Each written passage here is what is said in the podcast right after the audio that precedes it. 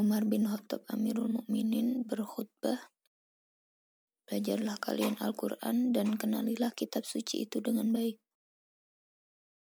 Pahamilah kandungannya sehingga kalian menjadi pewaris dan ahlinya. Sesungguhnya, seorang bermaksiat kepada Allah tidak akan pernah sampai pada derajat ahli kebenaran.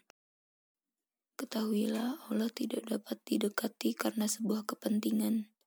Tidak pula rezekinya akan menjauh dari sesuatu yang benar. Ketahuilah bahwa di antara rezeki Allah dan para hambanya terdapat hijab. Jika saja manusia terus nantiasa bersabar, niscaya Allah akan memberikan rezeki tersebut. Jika manusia serakah dan lupa waktu dalam mengejar rezeki tersebut, Allah hanya akan memberikan kepadanya kerusakan dan kerugian, dan ia tidak akan memperoleh rezeki tersebut.